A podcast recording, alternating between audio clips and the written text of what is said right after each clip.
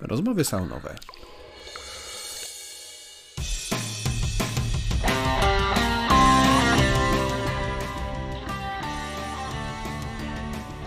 Witam w podcaście Sauna Grow. Nazywam się Bolek Drapella. Jestem przedsiębiorcą, menedżerem, inwestorem, a prywatnie ojcem gromadki dzieci. W życiu zawodowym pomagam firmom rosnąć mądrze, rozwijać się międzynarodowo i korzystać z dobrodziejstw technologii przy jednoczesnym zachowaniu ludzkiej twarzy w biznesie. Zapraszam do sauny. Porozmawiajmy o biznesie i nie tylko. Cześć. W dzisiejszym odcinku chciałbym e, opowiedzieć Wam i wspólnie się zastanowić e, na temat kosztu odejścia pracownika z firmy. Bardzo często przyjmuje się, że ten koszt odejścia pracownika jest równy kosztowi rekrutacji zastępstwa. Jest to jednak e, bardzo błędne podejście i w tym odcinku chciałbym omówić e, ważniejsze elementy tej całej układanki.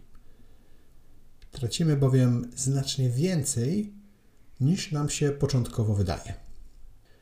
Po pierwsze, koszty rekrutacji, owszem, e, to jest ogłoszenie o pracę, czasami praca HR-owca, czasami również agencji rekrutacyjnej.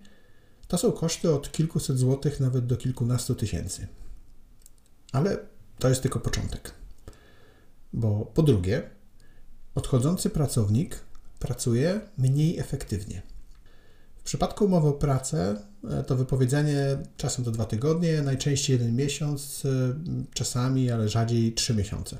E, szczególnie w firmach technologicznych, gdzie, czy w ogóle u młodych pracowników, gdzie ten etos pracy, albo inaczej, kultura pracy w jednym miejscu przez długie lata już jest rzadkością. E, załóżmy więc, średnio będzie to półtorej miesiąca.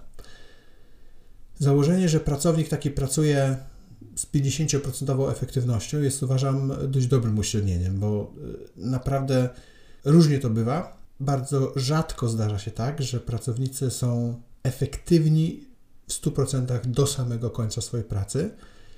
I nawet nie jest to kwestia tylko jej e, woli czy jakiegoś charakteru, ale jeśli ktoś pozostaje efektywny w 100% do ostatniego swojego dnia pracy, to prawdopodobnie w pierwszym dniu po zakończeniu pracy tej osoby, tej osoby w organizacji zabraknie, bo znaczy, że nie przekazała swoich obowiązków komuś.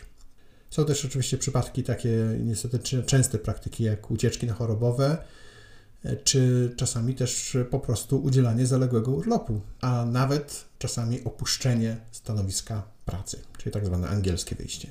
I o ile ten zaległy urlop jest, jest prawem pracowniczym i tak czy siak kiedyś on byłby e, wydany, to jednak moment, w którym pobrany czy wydany, jeśli nie w formie ekwiwalentu, to w formie tych dni wolnych od, od pracy, nie zawsze jest optymalny z punktu widzenia firmy. Natomiast tu trzeba też z drugiej strony powiedzieć, że bywają wyjątki. Miałem kiedyś takiego pracownika, nazywał się Rowan z RPA, w czasie kiedy prowadziłem jeden z hoteli w Wielkiej Brytanii. Rowan był pracownikiem recepcji i do ostatniej nawet minuty. Popełnił jeszcze, zdarzyło mu się popełnić błąd na 15 minut przed końcem jego pracy e, na recepcji, ale on mimo to chciał zostać jeszcze po e, swoim czasie pracy, żeby ten błąd e, zrozumieć, nauczyć się, jak to robić poprawnie i poprawić ten błąd. No to są jednak przypadki na tyle rzadkie, że do tej pory, mimo że to się wydarzyło tyle lat temu, nadal to pamiętam. Nowy pracownik, jak rozpocznie pracę, też nie od razu będzie tą efektywnością bliski doświadczonemu pracownikowi, który już e, dużo czasu spędził na wykonywaniu e, analogicznej pracy. To jest potężny koszt i czasem potrzeba wielu miesięcy, aby dorównać tej efektywności doświadczonego pracownika. To jest trzeci aspekt. Po czwarte, na nowego, często dobrego pracownika trzeba czekać, bo ta osoba zazwyczaj gdzieś pracuje więc ma swój okres wypowiedzenia. Powiedzmy znowu średnio półtorej miesiąca. To oznacza realny przestój w zapełnieniu stanowiska pracy, często około dwóch miesięcy, czasem dłużej. Albo kompromis polegający na szybszym zapełnieniu stanowiska, ale kandydatem o, o gorszych niż optymalnych umiejętnościach. I to w perspektywie może wynieść nas jeszcze drożej niż ten okres czekania. Po piąte, odejście osoby z zespołu też przerywa pewien proces grupowy, czyli każde odejście wpływa na zespół. Niektóre pozytywnie, ale wiele jednak negatywnie. Każda osoba, taka nowa osoba w zespole powoduje, że zespół niejako buduje się od nowa. Poznaje się wszystkie procesy takie, takie poznawcze i, i, i budowy pracy w grupie rozpoczynają się od nowa. Więc nie jest to tylko efektywność osoby, która odchodzi, tej osoby później przychodzącej na jej miejsce i ten czas pomiędzy, ale to odejście nawet jednej osoby z zespołu ma wpływ na cały zespół i jego efektywność. I to nie jest tylko kwestia e, morale czy zgrania, ale wiele osób jest po prostu też zaangażowanych we wdrożenie nowej osoby.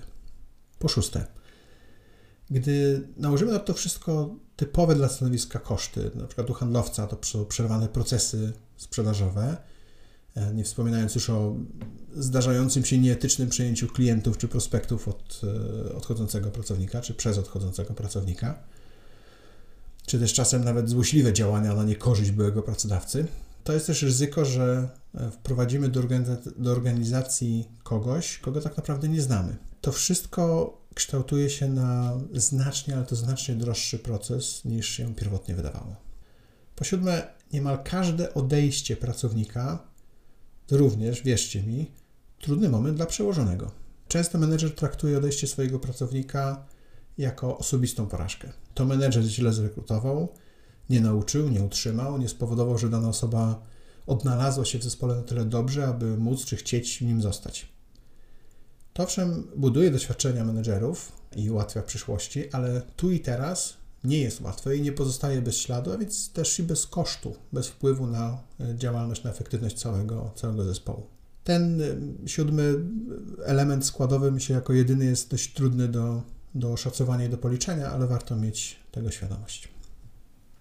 Sporo się też mówi o inwestowaniu w szkolenia pracowników, które często są niedoceniane przez pracodawców jako niepewna inwestycja. Ale wiecie, co jest gorsze od wyszkolonego pracownika, który odejdzie z firmy? Oczywiście ten niewyszkolony, który w niej zostanie. Warto o tym pamiętać, bo na wszystkie te aspekty i koszty zwracam e, Wam uwagę nie dlatego, aby Was e, przestraszyć czy zniechęcić do powiększania zespołu czy rozwoju Waszych biznesów. Mówię to, abyście mieli świadomość tego, ile czasu, energii i ducha takiej efektywności zespołu, a nawet y, i wprost przychodów firmy przepada, gdy pracownik odchodzi. To pokazuje też, jak niesamowicie ważny jest y, dobór na etapie rekrutacji.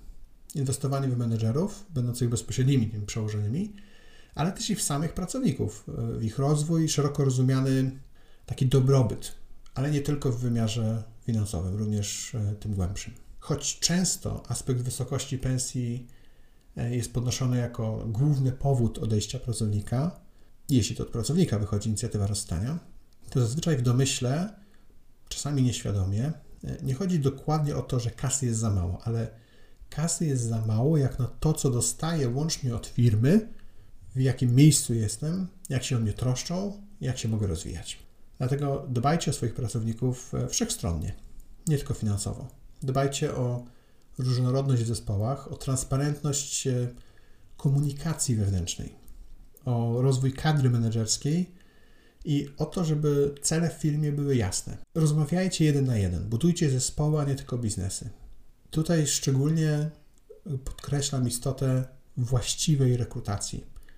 Czasami to wymaga rzeczywiście skorzystania z, z usług agencji rekrutacyjnych, i mimo takiego pierwotnie wydawałoby się wysokiego kosztu związanego z ich zatrudnieniem, to jednak to jest tylko jeden z wielu kosztów potencjalnie błędnej rekrutacji.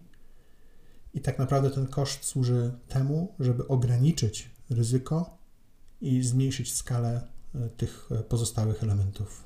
To jest też element tego dbania o zespół, dzięki któremu firma się rozwinie. Więc pamiętaj, koszt traconego pracownika to nie tylko koszt rekrutacji, to znacznie więcej.